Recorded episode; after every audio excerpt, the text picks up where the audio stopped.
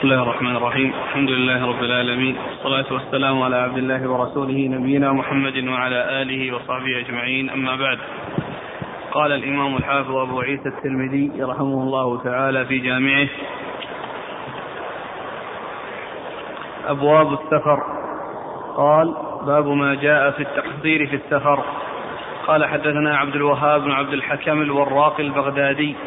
قال حدثنا يحيى بن سليم عن عبيد الله عن نافع عن ابن عمر رضي الله عنهما أنه قال سافرت مع النبي صلى الله عليه وآله وسلم وأبي بكر وعمر وعثمان رضي الله عنهم فكانوا يصلون الظهر والعصر ركعتين ركعتين لا يصلون قبلها ولا بعدها.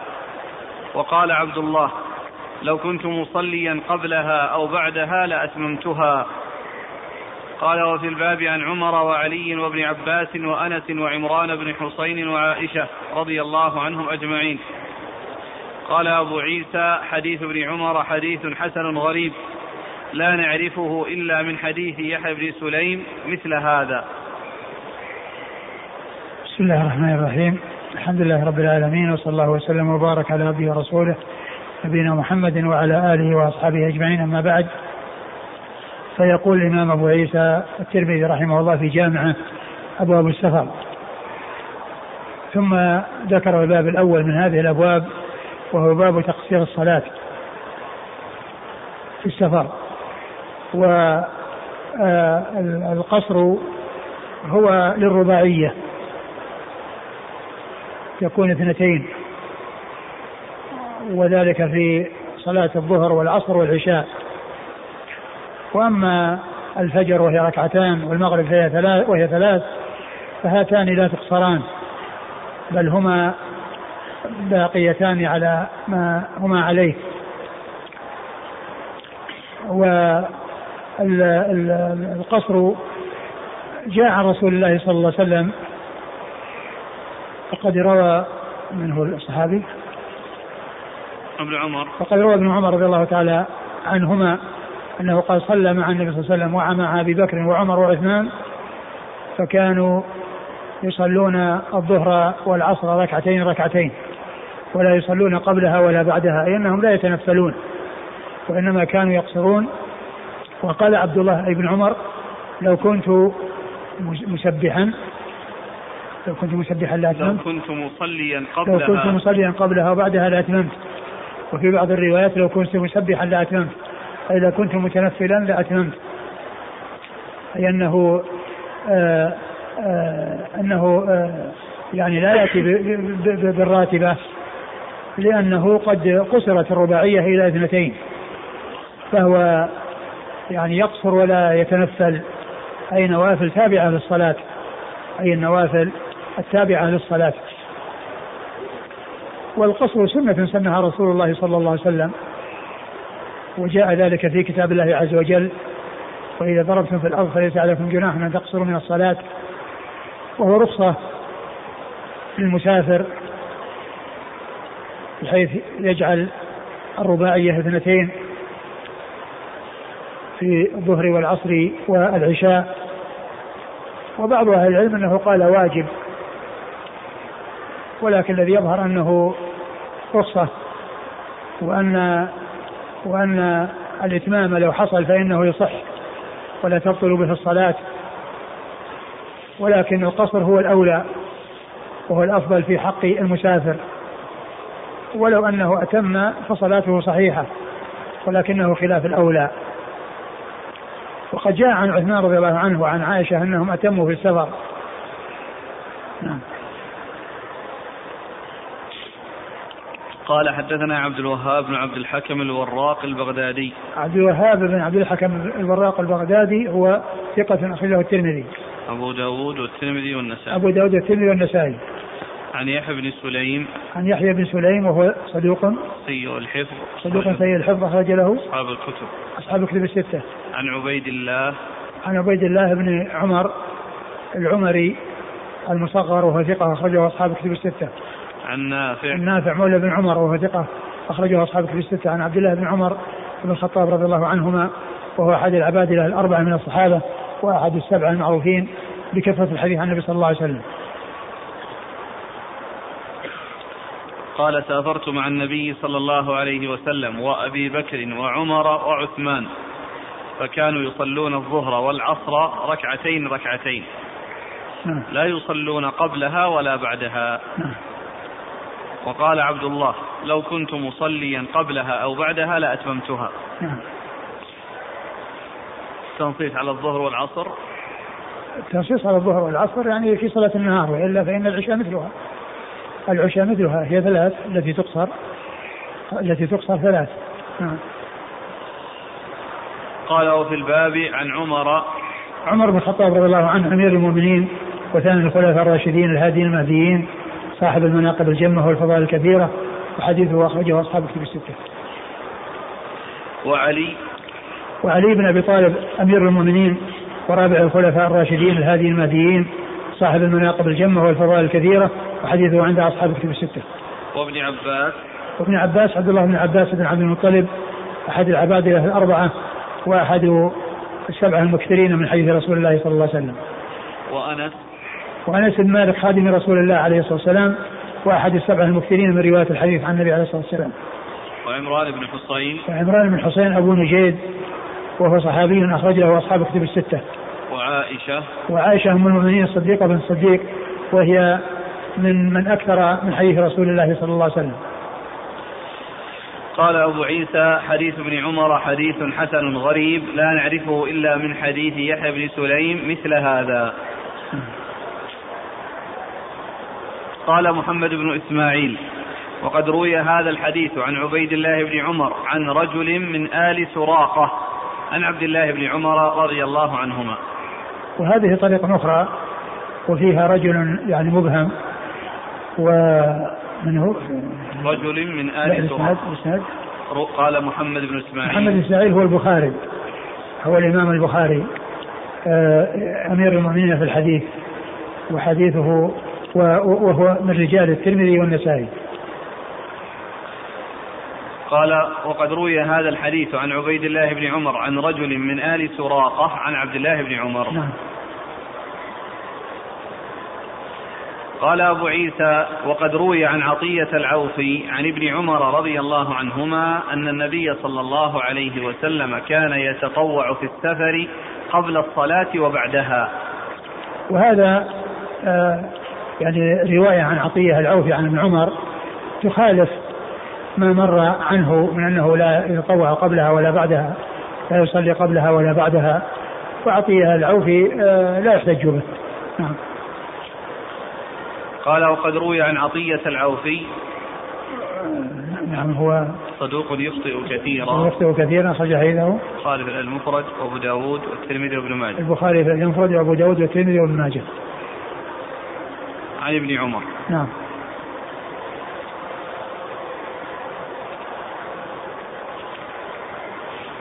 وقد صح عن النبي صلى الله عليه وسلم أنه كان يقصر في السفر وأبو بكر وعمر وعثمان رضي الله عنه صدرا من خلافته. وقد صح عن النبي صلى الله عليه وسلم وأبي بكر وعمر وعثمان صدرا من خلافته ثم إنه أتم وذلك في في منى. كما يعني كما ثبت ذلك عنه رضي الله عنه وأرضاه. نعم. وصدرا من خلافته؟ صدرا من خلافة عثمان. ثم إنه أتم بعد ذلك. كان يتأول؟ نعم كان يتأول. يعني آه مما يعني ذكر في تأوله أن أن الناس يعني آه آه أو أن كثيرا من الأعراب يعني يظنون أن الصلاة أنها تنتين بدل الأربع. فأتم حتى يعرف الناس. وقد ذكر أن رجلا جاء إليه فقال إنني صليت معك قبل سنتين وأنك تصلي ركعتين وأني لم أزل أفعل ذلك. فأتم يعني حتى يعني لا يظن الناس أن أو لا يظن هؤلاء الأعراب أن الصلاة بدل ما تكون أربع تكون ثنتين. يعني هذا قيل يعني في سبب تأوله. نعم. وهذا كان في الموسم يعني ولا كان في جميع أسفاره؟ لا في الموسم. يعني ليس في جميع أسفاره. الذي يظهر إنه في الموسم فقط يعني ما هو, هو في الموسم لأنه حضر و ولهذا ذكروا أنه يعني أنه آه، جاء عنه أنه أنه يعني آه، لا يقصر أنه أنه كان يقصر. وقيل جمع بينه بأن هذا في الموسم وذاك في غير الموسم. والعمل على هذا عند أكثر أهل العلم من أصحاب النبي صلى الله عليه وآله وسلم وغيرهم. وقد روي عن عائشة رضي الله عنها أنها كانت تتم الصلاة في السفر. نعم وهذا جاء في صحيح البخاري. وكانت تتأول مثل عثمان. يعني قيل لا قيل إنها قالت إنها لا يشق عليها. قيل إنها قالت إنه لا يشق عليها. والعمل على ما روي عن النبي صلى الله عليه وآله وسلم وأصحابه. يعني من القصر. والعمل على ما روي عن النبي وأصحابه من القصر. يعني دون الإتمام والإتمام جائز. لو أن إنسان أتم فصلاته صحيحة. وهو قول الشافعي وأحمد وإسحاق. الشافعي محمد بن إدريس الشافعي الإمام المحدث الفقيه أحد أصحاب المذاهب الأربعة. المشهورة من مذاهب السنة وحديث أخرجه البخاري تعليقا وأصحاب السنة. وأحمد بن حنبل أحمد بن محمد بن حنبل الشيباني كذلك آه، أحد الأئمة وهو حديث أخرجه أصحاب كتب الستة. وإسحاق وابن إبراهيم ابن راهويه الحنظلي المروزي ثقة أخرجه أصحاب كتب الستة لابن ماجه. إلا أن الشافعي يقول التقصير رخصة رخصة له في السفر فإن أتم الصلاة أجزأ عنه. والشافعي يقول إنه رخصة وأنه لو أتم اجزا وأنه يصح نعم فهل يفهم أن أحمد وإسحاق يوجبان؟ يعني كلامه هذا يفهم لكن معروف ان أن أحمد يعني لا يقول بالوجوب وإنما يقول بالرخصة. قال حدثنا أحمد بن منيع قال حدثنا هشيم قال أخبرنا علي بن زيد بن جدعان القرشي عن أبي نضرة قال سئل عمران بن حصين رضي الله عنهما عن صلاة المسافر فقال حججت مع رسول الله صلى الله عليه وآله وسلم فصلى ركعتين وحججت مع أبي بكر فصلى ركعتين ومع عمر فصلى ركعتين ومع عثمان ست سنين من خلافته أو ثمانية سنين فصلى ركعتين. قال أبو عيسى هذا حديث حسن صحيح. ثم ورد أبو عيسى حديث عمران بن حصين رضي الله تعالى عنه. وفيه مثل مثل الذي قبله أنه سئل عن صلاة المسافر فقال إنه آه، سافر مع النبي صلى الله عليه وسلم. حج مع النبي صلى الله عليه وسلم فصلى ركعتين ثم أبو بكر ثم عمر ثم عثمان آه، في ست سنوات من خلافته أو ثمان فكانوا يصلون ركعتين ركعتين أي أنهم كانوا يقصرون. فهو مثل الذي قبله. وبعد ذلك عثمان تم وعثمان رضي الله عنه خلافته كانت اثنتي عشرة اثنتي عشر عاما فكان ستا منها أو ثمانيا كان يقصر وبعد ذلك كان يتم. قال حدثنا أحمد بن منيع. أحمد بن منيع ثقة أخرجه أصحاب كتب الستة. عن هشيم. هشيم بن بشير الواسطي ثقة أخرجه أصحاب كتب الستة. عن علي بن زيد بن جدعان. عن علي بن زيد بن جدعان وهو ضعيف أخرج له البخاري في المفرد ومسلم وأصحاب السنة. البخاري في المفرد ومسلم وأصحاب السنة. عن أبي نضرة. عن أبي نضرة هو المنذر بن مالك بن قطعة أخرجه البخاري البخاري في جزء القراءة. تعليقا. تعليقا ومسلم وأصحاب السنة. عن عمران بن حصين عن عمران بن حصين رضي الله عنه أخرج حديثه وأصحاب الكتب الستة. قال أبو عيسى هذا حديث حسن صحيح. قال حدثنا قتيبة قال حدثنا سفيان بن عيينة عن محمد بن المنكدر وإبراهيم بن ميسرة سمع أنهما سمعا أنس بن مالك رضي الله عنه قال صلينا مع النبي صلى الله عليه وآله وسلم الظهر بالمدينة أربعا وبذي الحليفة العصر ركعتين. قال أبو عيسى هذا حديث صحيح. وهذا فيه آه، عن أنس رضي الله عنه أنهم صلوا مع النبي صلى الله عليه وسلم الظهر اربعا في المدينة في مسجده صلى الله عليه وسلم وصلوا معه العصر في ذي الحليفة ركعتين اي لما سافر لحجة الوداع عليه الصلاة والسلام فإنه آه، نزل في ذي الحليفة وصلى بها العصر ركعتين يقصر. فدل هذا على أن على القصر في السفر وأن الرسول كان يقصر في السفر ودل أيضا على أن المسافر إذا فارق البلد ويعني تجاوز عامر بلده فإنه يقصر. والله عز وجل ذكر ذلك في كتاب العزيز. قال وإذا ضربتم في الأرض فليس عليكم جناح أن تقصروا من الصلاة. ومعلوم أن الذي في بلده لا يعتبر ضربا في الأرض وإنما يضرب في الأرض إذا خرج منها مسافرا. إذا خرج منها مسافرا. فدل على أنه إذا فارق عامر بلده فإنه يبدأ بالقصر. وإذا امتد العمران ووصل إلى ذي الحليفة دخل في المدينة فلا يقصر. إذا إذا امتد العمران ووصل إلى ذي الحليفة وصارت البيوت متصلة إلى ذي الحليفة فإنه لا يقصر في ذي الحليفة. لأن القصر بعد مفارقة البنيان ومفارقة البلد.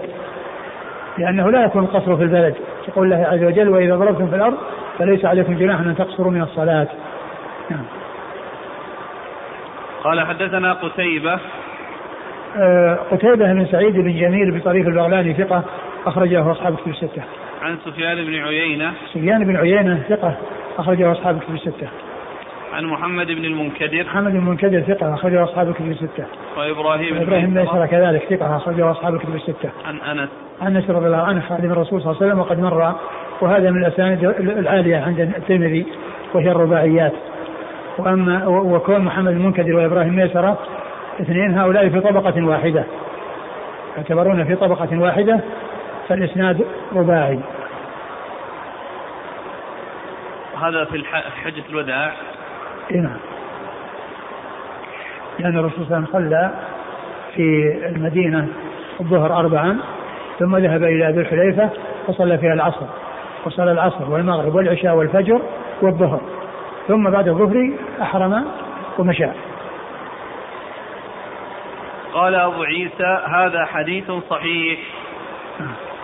قال حدثنا قتيبة قال حدثنا هشيم عن منصور بن زادان عن ابن سيرين عن ابن عباس رضي الله عنهما أن النبي صلى الله عليه وآله وسلم خرج من المدينة إلى مكة لا يخاف إلا الله رب العالمين فصلى ركعتين.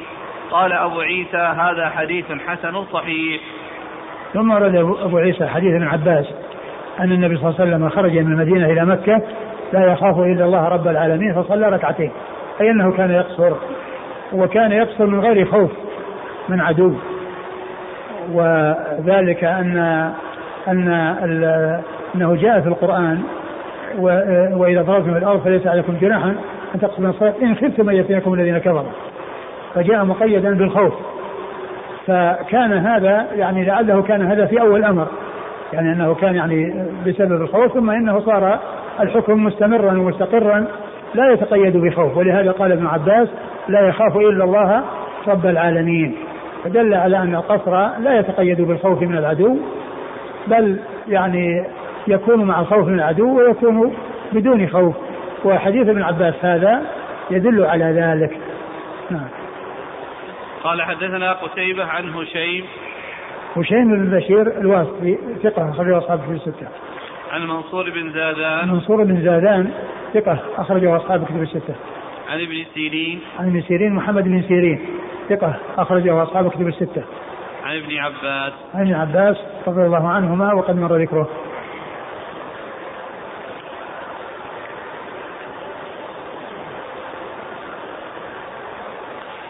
قال رحمه الله تعالى باب ما جاء في كم تقصر الصلاة.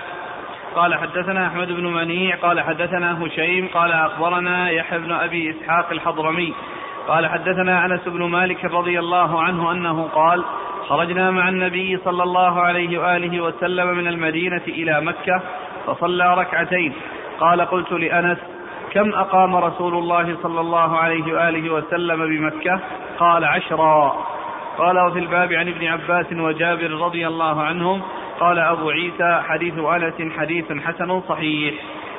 ثم أورد أبو عيسى رحمه الله الترجمة باب في كم تقصر الصلاة أي أنه إذا قام في بلد مدة فما هي المدة التي يكون الإنسان فيها يقصر؟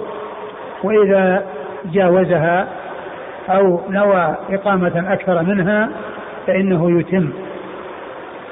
وهذا هو المقصود من الترجمة. المسافر إذا كان جادا به السير وكان ماشيا في طريقه فإنه يقصر. وإذا وصل إلى بلد وبقي فيها فما هي المدة التي له أن يقصر فيها وهو في البلد؟ ومتى يلزمه الإتمام؟ ومتى يلزمه الإتمام في ذلك البلد الذي هو ليس بلده؟ لأنه مقيم في غير بلده. آه العلماء اختلفوا في هذا.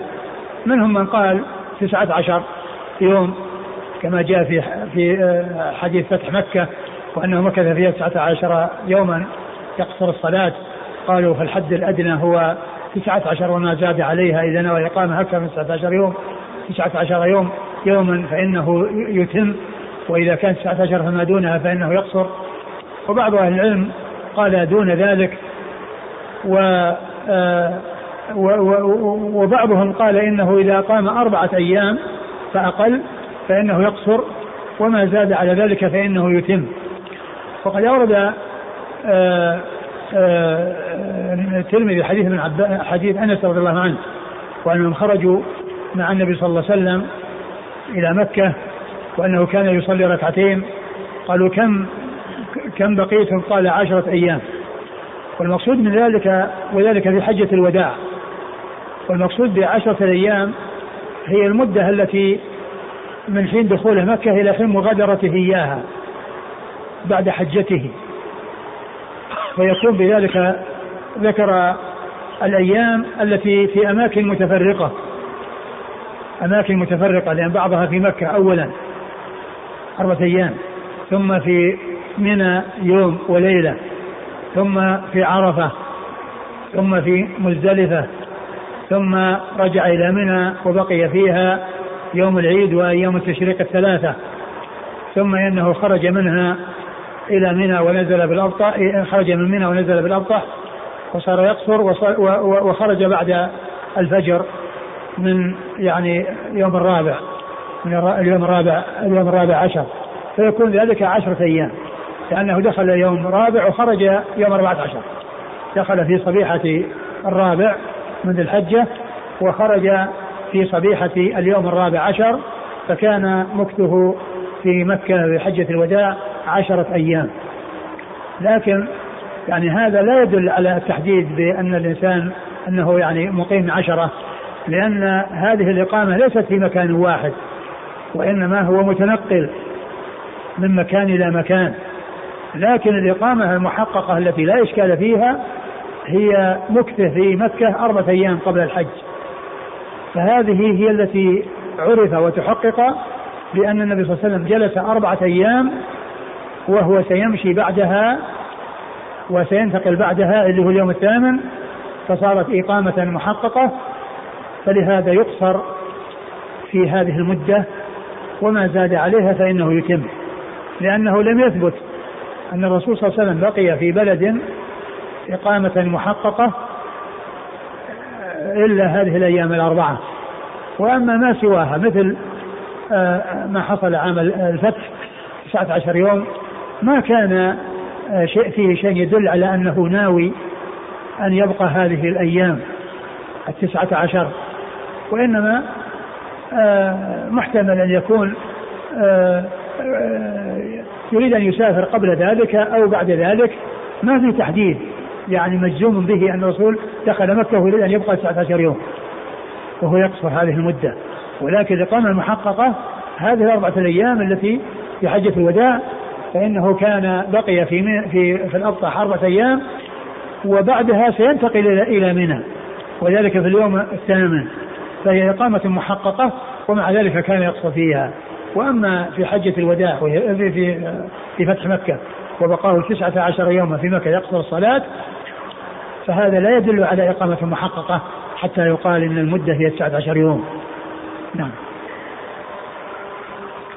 حديث أنس هو في أيام في أماكن متفرقة في مكة ثم في منى ثم في عرفة ثم في مزدلفة ثم في منى ثم في الأبطح. ست مراحل أو ست أماكن ستة أماكن. نعم. القصر في الموسم. القصر في المشاعر. للنسك ولا للسفر؟ معلوم أن أن من الناس من يكون مسافرا ويكون يعني ناسكا ومن الناس من يكون ناسكا غير مسافر مثل أهل مكة. فأهل مكة يقصرون تبعا للحجاج. والحجاج الذين جاءوا من أماكن متفرقة هم مسافرون. فهم مسافرون. ولكن يعني الإقامة يعني ليست مجتمعة أو أنها في مكان واحد بل هي متفرقة. فلا يقال أنه مكث في مكان واحد أو أقام في مكان واحد أو أقام في بلد معين مدة كذا وكذا لأن هذه أيام متفرقة. آه، أيام في كذا ويوم في كذا وأيام في كذا وهكذا.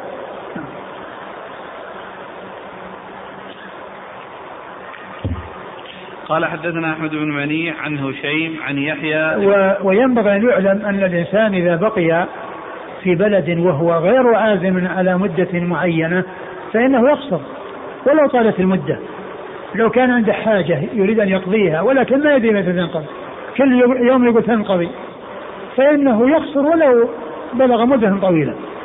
ولو بلغ مدة طويلة. وهذا باتفاق العلماء كما سيذكره المصنف. يعني إذا كان الإنسان يعني ما عزم على إقامة إقامة معينة وإنما آه ما يدري متى تنتهي حاجته فهو كل يوم يقول تنتهي حاجته ثم يعني يبقى ثم يبقى وهكذا فإنه يقصر ولو طالت المدة. ولكن الكلام فيما إذا عزم عند دخوله البلد أنه سيبقى أكثر من أيام فإنه يتم من حين يدخل البلد. وإن كان عنده عزم على أن يبقى أربعة أيام فأقل فإنه يقصر كما فعل رسول الله صلى الله عليه وسلم في الأبطح لما قدم مكة في حجة الوداع. نعم.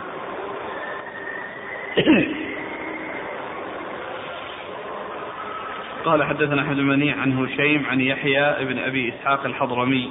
يحيى بن أبي إسحاق الحضرمي هو صدوق ربما أخطأ. صدوق ربما أخطأ أخرج له. أصحاب الكتب. أصحاب الكتب الستة.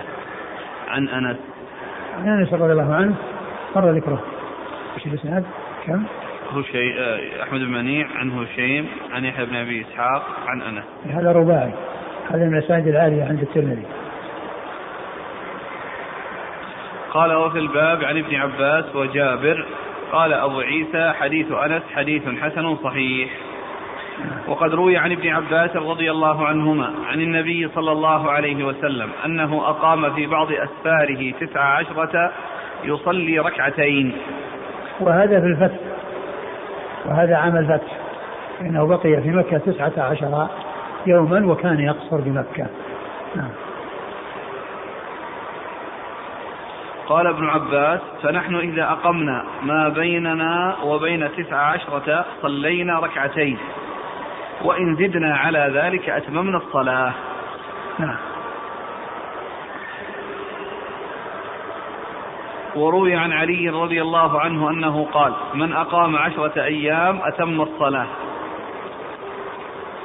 وروي عن ابن عمر أنه قال من أقام خمسة لعل لعل المعتبر في ذلك قصة عام الفتح عام حجة الوداع. كان عشرة أيام وأعتبر بلد واحد. ولكنها كما هو معلوم في أشياء متفرقة وليست يعني إقامة آه، في مكان واحد بل في أماكن متعددة وارتحال من مكان إلى مكان. نعم. وبعده؟ علي رضي الله عنه مر ذكره؟ نعم. وروي عن ابن عمر أنه قال من أقام خمسة عشر يوما أتم الصلاة. نعم.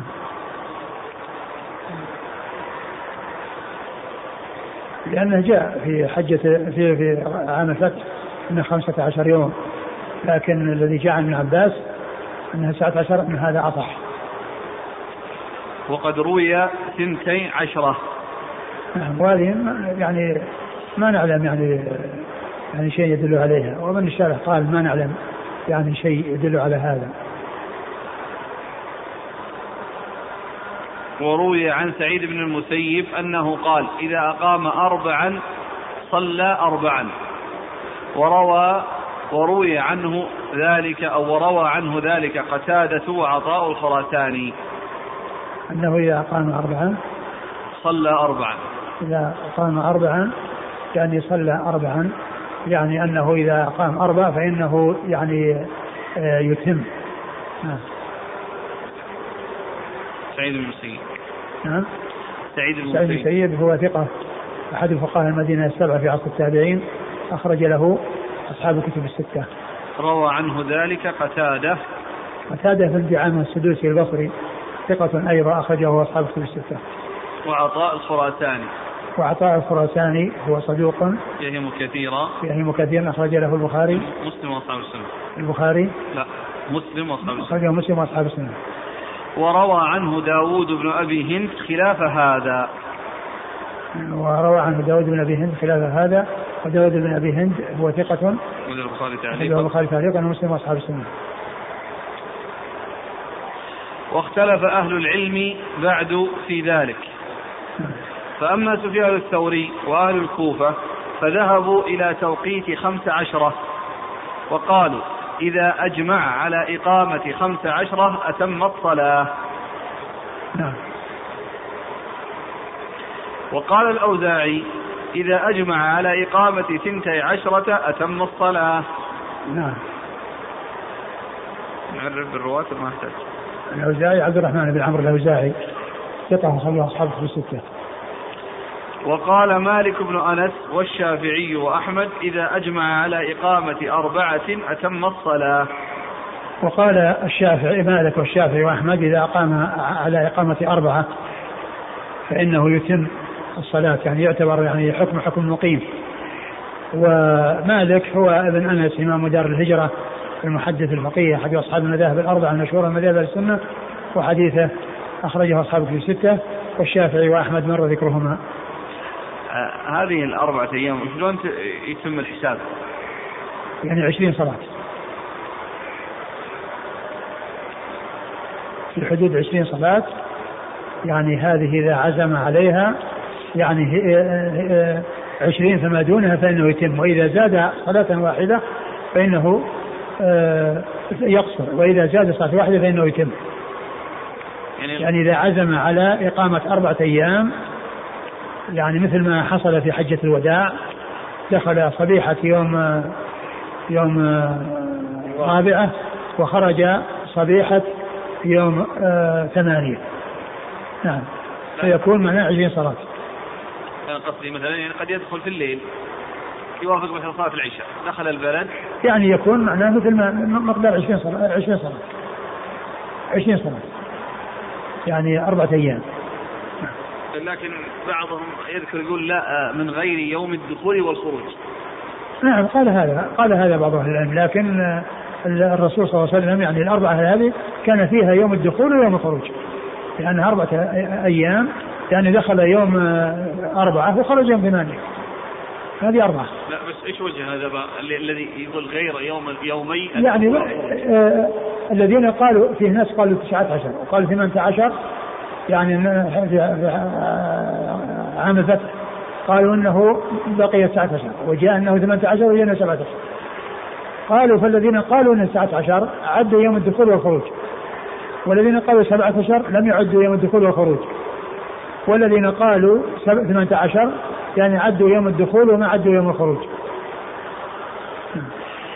لكن الأربعة هذه اللي جاءت فيها الدخول والخروج. دخول مكة يعني اليوم الرابع موجود والخروج اليوم الثامن موجود. وأما إسحاق فرأى أقوى المذاهب فيه حديث ابن عب ابن عباس. اللي هو 19 قال لأنه روى عن النبي صلى الله عليه وسلم ثم تأوله بعد النبي صلى الله عليه وسلم إذا أجمع على إقامة تسع عشرة أتم الصلاة. يعني المقصود أنه إذا أجمع يعني إذا أجمع عند دخوله فإنه يتم الصلاة من أول يوم. ما دام أنه عازم على أن يبقى هذه المدة فإنه يتم. ثم تأوله وقال إذا ثم تأوله بعد النبي صلى الله عليه وسلم إذا أجمع على إقامة تسعة عشر أتم الصلاة. يعني إذا كان يعني تسعة عشر يعني هذه المدة فإنه يتم الصلاة من أول ما يدخل. وإذا كان دونها فإنه يقصر. مثل ما قالوا في الأربعة. إذا كان أربعة فما دونها يقصر وإذا كان ما زاد عليها يتم. فكذلك هذا تسعة عشر فما دونها يقصر وما زاد عليها فإنه يتم. ثم أجمع أهل العلم على أن المسافر يقصر ما لم يجمع إقامة نعم. وإن أتى عليه سنون. نعم. يعني هذا هذا في الذي أجمع إقامة بخلاف الذي راح. دخل البلد وهو عازم على أن يبقى مدة كذا. أما من دخل البلد وليس عنده عزم على مدة معينة وإنما يريد قضاء حاجة وهذه الحاجة لا يدري متى تنتهي. لكن إذا كان يعلم أنها ما تنتهي إلا بعد شهر فإنه يتم. لأنه آه، عارف أنه سيبقى شهر لكن الكلام في إنسان حاجة ما يدري متى تنتهي كل يوم يقول تخلص اليوم. كل يوم تخلص اليوم فإنه يقصر ولو طالت المدة. وهذا بإجماع العلماء. هو هو عارف أن حاجته طويلة لكن ما هو عارف تنتهي. لا إذا كان حاجة يعرف أن حاجته ستبقى أكثر من اربعه أيام وأنه لن ينتهي قبل اربعه أيام فهو أجمع الإقامة على أكثر من أيام. أكثر من أيام فهذا يتم وإنما الكلام في إنسان كل يوم يعني يقول تنقضي حاجته ولا تنقضي فإنه يستمر آه، مثل ابن عمر لما كانوا في أذربيجان وكان في ثلج وكانوا ينتظرون الثلج يذوب كل يوم يقولون خلاص كل يوم هذا وواصلوا يقصرون هذا هذا فيه يا شيخ إشكال. الثلج بيذوب يوم وليلة. لا بس فيه في احتمال إنه يذوب نعم في احتمال لأنه إذا طلعت الشمس ذاب في يوم وليلة؟ يمكن. يمكن يذوب لكنهم يعني كل يوم يقولون خلاص يذوب واستمروا يقصرون. قال حدثنا هناد بن السري قال حدثنا أبو معاوية عن عاصم الأحول عن عكرمة عن ابن عباس رضي الله عنهما أنه قال سافر رسول الله صلى الله عليه وآله وسلم سفرا فصلى تسعة عشر يوما ركعتين ركعتين. قال ابن عباس فنحن نصلي فيما بيننا وبين تسعة عشرة ركعتين ركعتين فإذا أقمنا أكثر من ذلك صلينا أربعة. ثم ورد حديث ابن عباس أن النبي صلى الله عليه وسلم يعني سافر سفرا وبقي تسعة عشر يوما يصلي ركعة ركعتين. وهذا في عام الفتح. وهذا عام الفتح. وقال فنحن نفعل كذلك. إذا أقمنا هذه المدة فما دون فإننا نصلي ركعتين ركعتين. وإذا زدنا على ذلك فإننا نتم. ولكن الاتمام كما هو معلوم من أول المدة. يعني الإنسان لو على هذا القول عزم أنه يبقى عشرين يوم ومن ثم يدخل يتم. قال حدثنا هناد بن السري هناد بن السري أبو السري ثقة أخرج له البخاري في خلق أفعال العباد ومسلم وأصحاب السنن. عن أبي معاوية عن أبي معاوية محمد بن خازم الضرير الكوفي ثقة أخرج له أصحاب كتب الستة. عن عاصم الأحول عاصم بن سليمان الأحول ثقة أخرجه أصحاب كتب الستة. عن عكرمة عن عكرمة مولى ابن عباس ثقة أخرجه أصحاب كتب الستة. عن ابن عباس عن ابن عباس رضي الله عنهما وقد مر ذكره. قال أبو عيسى هذا حديث غريب حسن صحيح. قال رحمه الله تعالى باب ما جاء في التطوع في السفر. قال حدثنا قتيبة بن سعيد قال حدثنا الليث بن سعد عن صفوان بن سليم عن أبي بسرة الغفاري عن البراء بن عازب رضي الله عنهما أنه قال صحبت رسول الله صلى الله عليه وآله وسلم ثمانية عشر سفرا أو سفرا. سفر. سفر. فما رأيته ترك الركعتين إذا زاغت الشمس قبل الظهر. قال وفي الباب عن ابن عمر. قال أبو عيسى حديث البراء حديث غريب. ثم ورد أبو عيسى باب التطوع في السفر. والتطوع في السفر الرسول صلى الله عليه وسلم كان يحافظ على ركعتي الفجر والوتر حضرا وسفرا. كان يحافظ على ركعتي الفجر والوتر في الحضر والسفر عليه الصلاة والسلام. وجاء أنه كان يتنفل النوافل المطلقة في السفر كما كان صلى آه، آه، صلاة الضحى يوم الفتح ثمان ركعات كما في حديث هاني الذي سبق أن مر. وكذلك كان يسبح يصلي على راحلته أينما توجهت يصلي على راحلته أينما توجهت. كل هذا يدل على يعني أن الصلوات المطلقة أو النوافل المطلقة أنها جاءت عن النبي صلى الله عليه وسلم في السفر. وأما ما يتعلق بالرواتب التي تابعة للصلوات فمن أهل العلم من يرى أنه لا يصلي الرواتب إذا قصر. كما مر عن ابن عمر لو كنت مصليا مصليا لو كنت مسبحا لأتممت. أي كنت متنفلا. وبعض أهل العلم أجاز ذلك.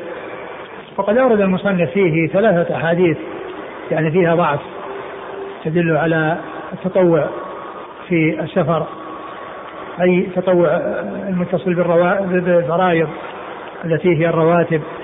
وقد أورد آه، أبو عيسى حديث أبو بسرة الغفاري. البراء بن عازب. حديث البراء بن عازب رضي الله يروي عنه أبو بسرة يروي عنه.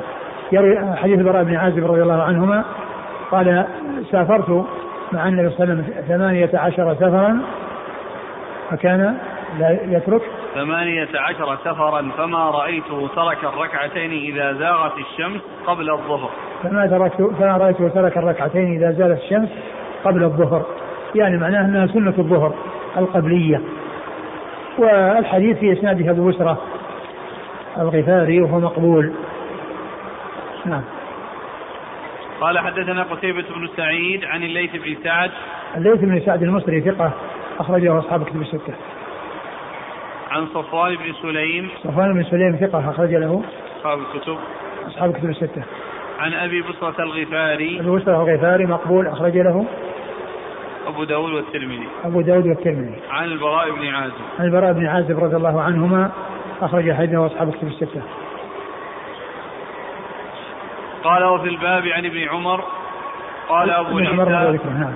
حديث بالبراء حديث غريب نعم. قال وسألت محمدا عنه فلم يعرف إلا من حديث الليث بن سعد ولم يعرف اسم أبي بسرة الغفاري ورآه حسنا نعم. وروي عن ابن عمر رضي الله عنهما أن النبي صلى الله عليه وآله وسلم كان لا يتطوع في السفر قبل الصلاة ولا بعدها وروي عن ابن عمر أن النبي صلى الله عليه وسلم كان لا يتطوع في السفر قبل الصلاة ولا بعدها وهذا الذي مر حديثه الذي مر يعني في أول الدرس الذي قال أني صليت معه فلم فلم يصلي ركعة الظهر ركعتين والعصر ركعتين ولم يصلي قبلها ولا بعدها.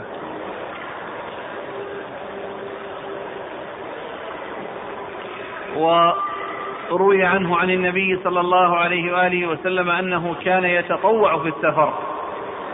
وهذا يخالف يعني هذه الرواية.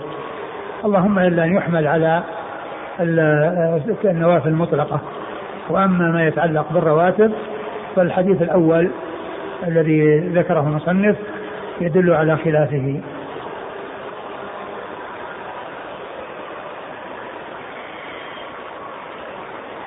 ثم اختلف أهل العلم بعد النبي صلى الله عليه وآله وسلم فرأى بعض أصحاب النبي صلى الله عليه وآله وسلم أن يتطوع الرجل في السفر وبه يقول أحمد وإسحاق. ولم تر طائفة من أهل العلم أن يصلي قبلها ولا بعدها ومعنى من لم يتطوع في السفر قبول الرخصة ومن تطوع فله في ذلك فضل كثير أعد الكلام الأول. ثم اختلف أهل العلم بعد النبي صلى الله عليه وسلم فرأى بعض أصحاب النبي صلى الله عليه وسلم أن يتطوع الرجل في السفر. نعم. رأى أن يتطوع في السفر يعني التطوع الذي قبل الصلوات أما التطوع في المطلق فهذا فعله الرسول صلى الله عليه وسلم وثبت عنه. نعم وإنما الكلام في التطوع الذي يتابع للصلوات. فرأى أنه يتطوع بعض أصحاب النبي صلى الله عليه وسلم. نعم. وبه يقول أحمد وإسحاق. نعم. ولم تر طائفة من أهل العلم أن يصلي قبلها ولا بعدها. وهذا هو الذي عن ابن عمر. ومعنى من لم يتطوع في السفر قبول الرخصة. يعني قبول الرخصة أنه لما رخص له أن يجعل الرباعية اثنتين معنى ذلك أنه لا يأتي بنافلة تابعة للصلاة. نعم. ومن تطوع فله في ذلك فضل كثير. ومن تطوع فله في ذلك فضل. يعني أنه عمل يعني عملا صالحا فيؤجر عليه. نعم. وهو قول أكثر أهل العلم يختارون التطوع في السفر. نعم.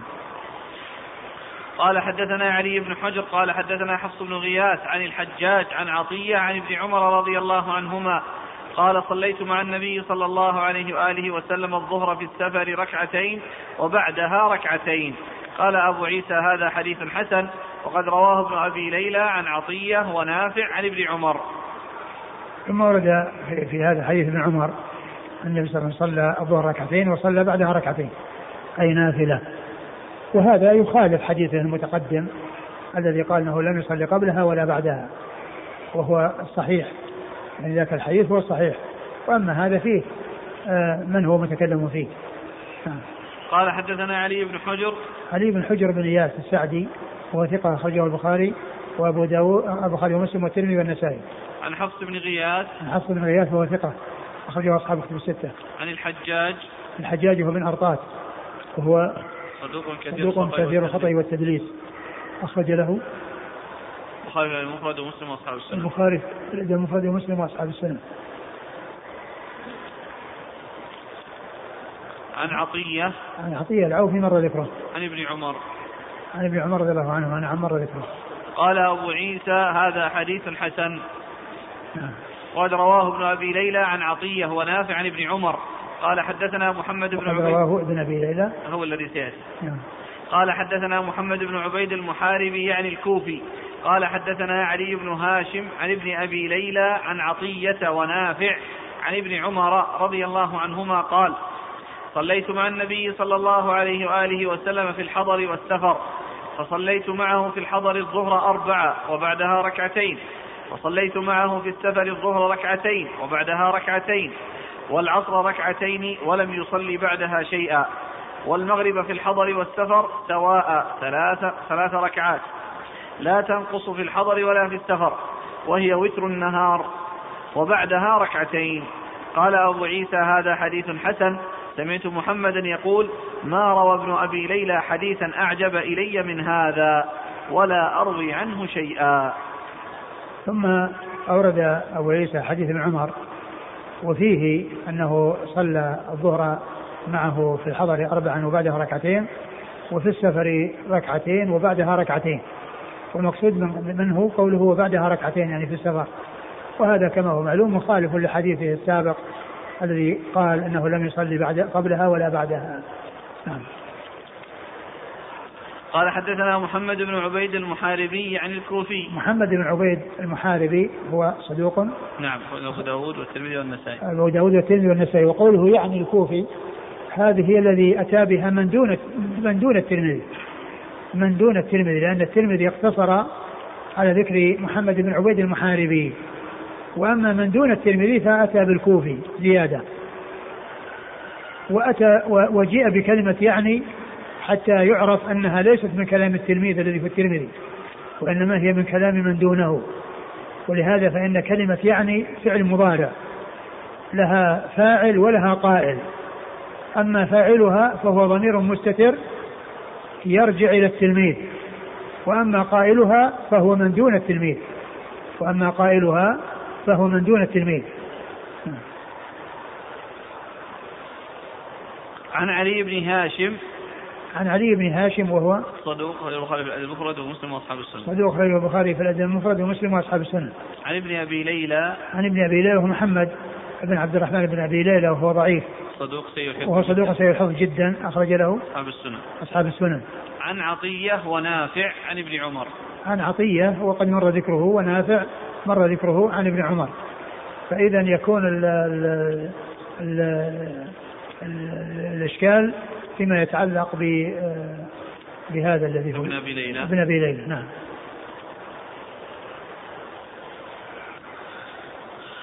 قال أبو عيسى هذا حديث حسن سمعت محمدا يقول ما روى ابن أبي ليلى حديثا أعجب إلي من هذا ولا أروي عنه شيئا.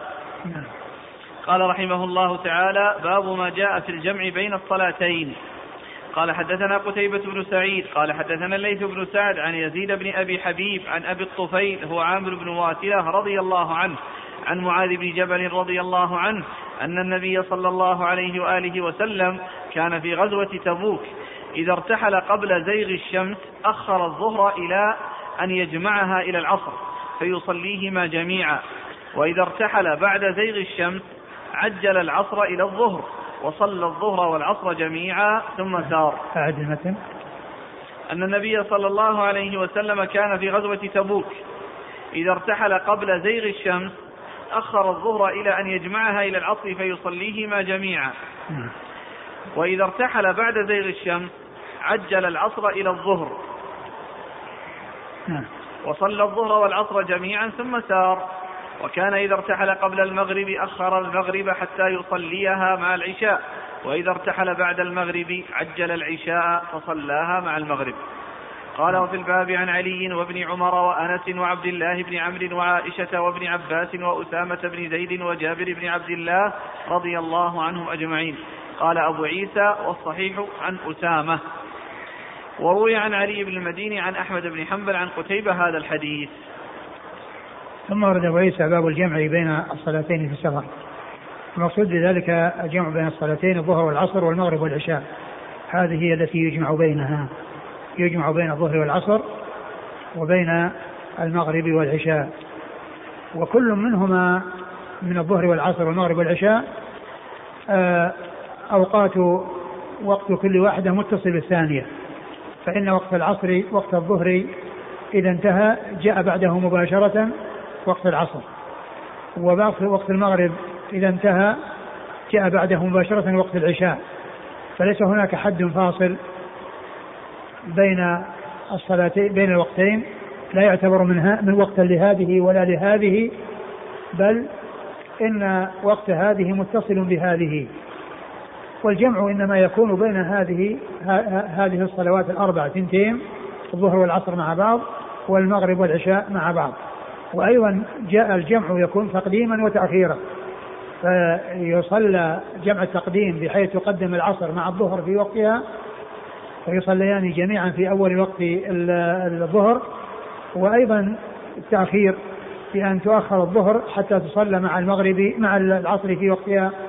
وكذلك بالنسبة للعشاء المغرب والعشاء جمع التقديم وجمع التأخير. كل ذلك ثابت عن رسول الله صلى الله عليه وسلم. وهو حاصل للمسافر.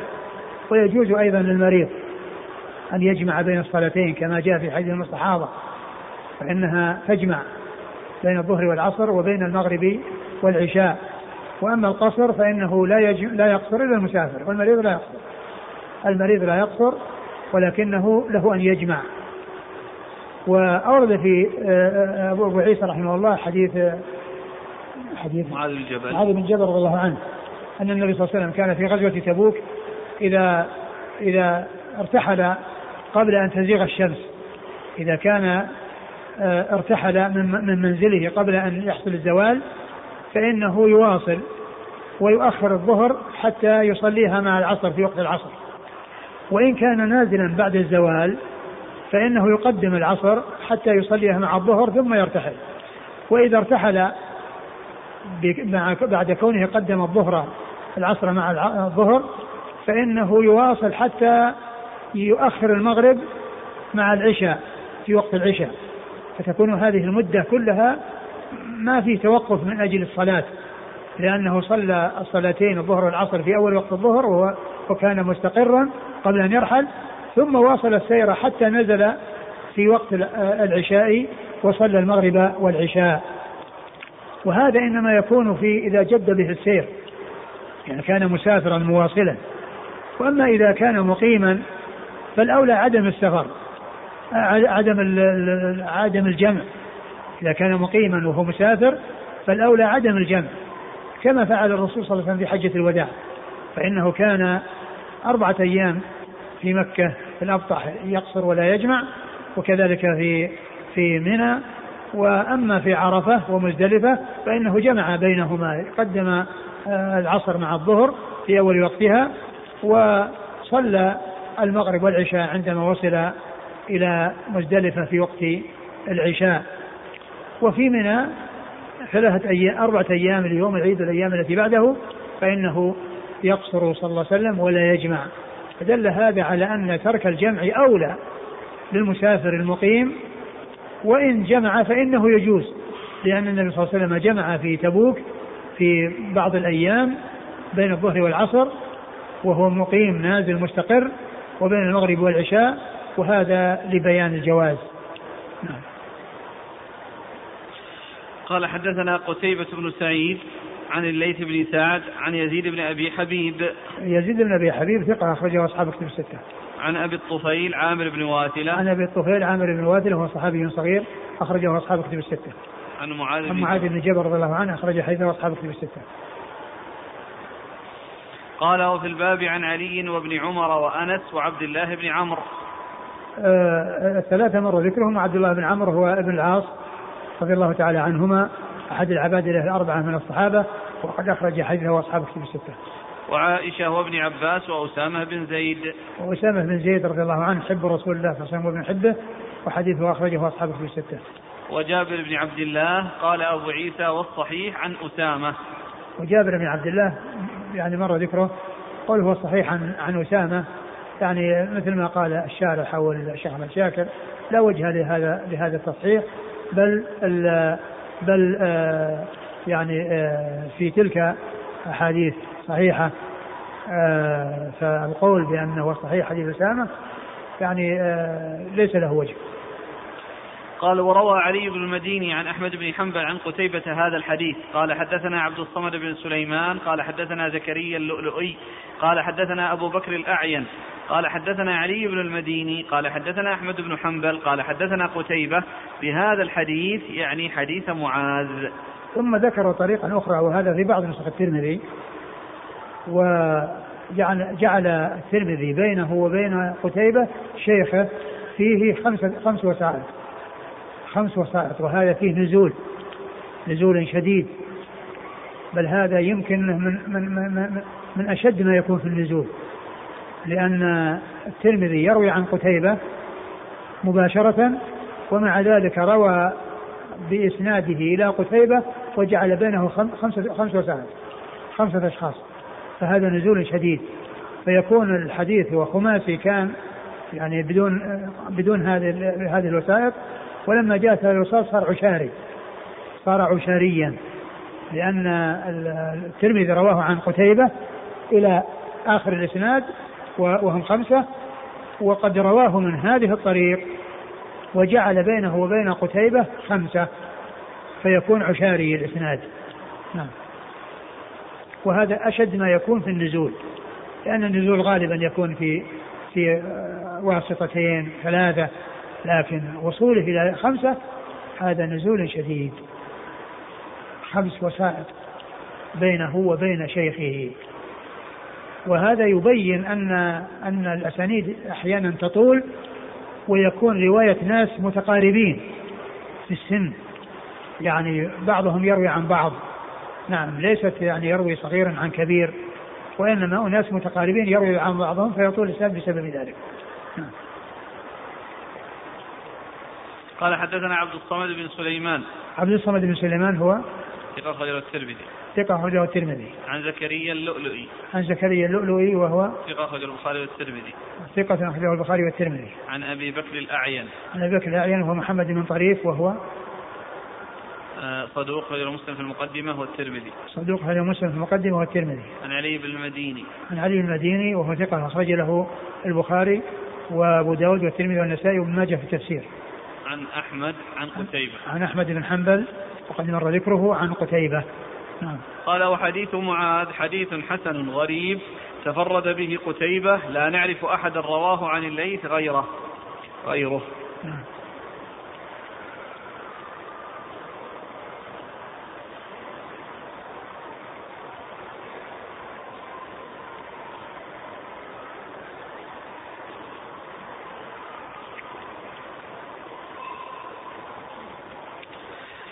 قال وحديث الليث عن يزيد بن أبي حبيب عن أبي الطفيل عن معاذ حديث غريب. وحديث؟ الليث عن يزيد بن أبي حبيب عن أبي الطفيل عن معاذ حديث غريب. نعم. والمعروف عند أهل العلم حديث معاذ من حديث أبي الزبير عن أبي الطفيل عن معاذ. أن النبي صلى الله عليه وسلم جمع في غزوة تبوك بين الظهر والعصر وبين المغرب والعشاء. قال والمعروف عند أهل العلم؟ حديث معاذ بن طريق. أبي الزبير. نعم. أبو الزبير هو محمد بن تدرس المكي. محمد بن مسلم. محمد بن مسلم بن تدرس المكي صدوق. أخرجه أصحاب كتب الستة. عن أبي الطفيل عن معاذ. أن نعم. النبي صلى الله عليه وسلم جمع في غزوة تبوك بين الظهر والعصر وبين المغرب والعشاء. نعم. و وكما هو معلوم الرسول صلى الله عليه وسلم جمع بين في غزوة تبوك يعني آه، يعني في الطريق وفي حال الإقامة. في حال الإقامة جمع مرة واحدة. وهو مقيم في تبوك. وهو نازل في تبوك. وهذا هو الذي يستدل به على جواز آه، جمع المسافر إذا كان مقيما في بلد. فإن العمدة في ذلك ما جاء في غزوة تبوك. وأما الجمع في حال الانتقال كما هو معلوم فهذا هو الأصل. وإذا جد به السير بحيث يعني يعني يجمع جمع تقديم وتأخير. قال رواه قرة بن خالد وسفيان الثوري ومالك وغير واحد عن أبي الزبير المكي. قرة بن خالد هو ثقة أخرجه أصحاب الكتب. ذكر في أصحاب كتب الستة. سفيان الثوري ومالك. سفيان الثوري مر ذكره ومالك مر ذكره. وغير واحد عن أبي الزبير المكي. نعم. قال وبهذا الحديث يقول الشافعي وأحمد وإسحاق يقولان لا بأس أن يجمع بين الصلاتين في السفر في وقت إحداهما. نعم. يعني سواء جمع تقديم وتأخير قال حدثنا هناد بن السري قال حدثنا عبدة بن سليمان عن عبيد الله بن عمر عن نافع عن ابن عمر رضي الله عنهما أنه استغيث على بعض أهله فجد به السير. فأخر المغرب حتى غاب الشفق ثم نزل فجمع بينهما ثم أخبرهم أن رسول الله صلى الله عليه وآله وسلم كان يفعل ذلك إذا جد به السير.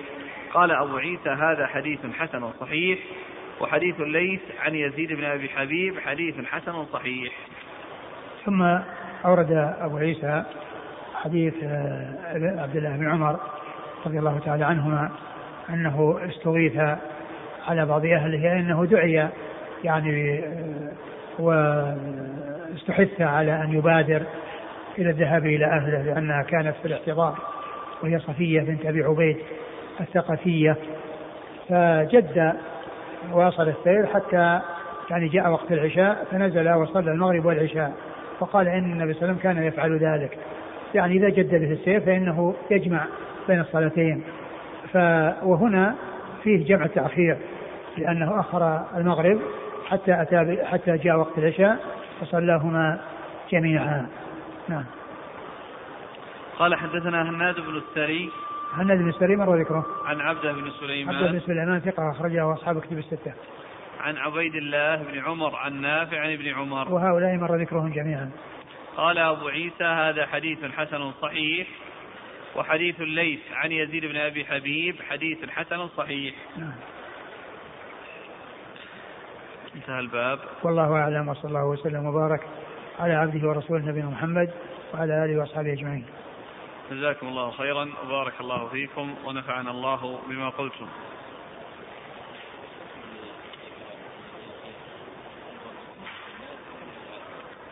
وش الحكم؟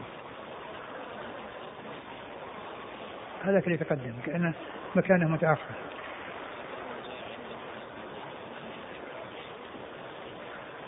إيش؟ لا هو أقول هو ذكر به ال- العالي لأن ذاك يعني جاء في بعض النسخ. لا- الأخ يسأل ما وجه إرادة الترمذي رحمه الله لهذا الإسناد النازل هو اولا جاء في بعض النسخ أقول جاء في بعض النسخ ولا أدري يعني ما وجهه. هو الحقيقة يكفي الإسناد العالي.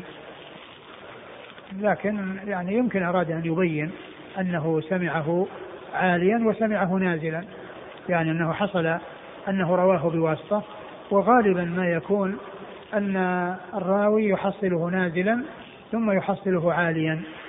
وإذا حصله عاليا صار هو الذي يفرح به ويحرص عليه لأنه كلما علي على الإسناد كلما كان أقرب إلى الصحة وأسلم من الخطأ وكلما طال الإسناد صار عرضة لحصول الخطأ. ولهذا علو الإسناد كان مرغوبا فيه وكانوا يحصلونه نازلا أولا ثم يحصلونه عاليا فيروونه على الوجهين. فيمكن أن الترمذي أنه حصله يعني نازلا أولا بهذه الوسائط الطويلة ثم إنه حصله عاليا فرواه على الوجهين.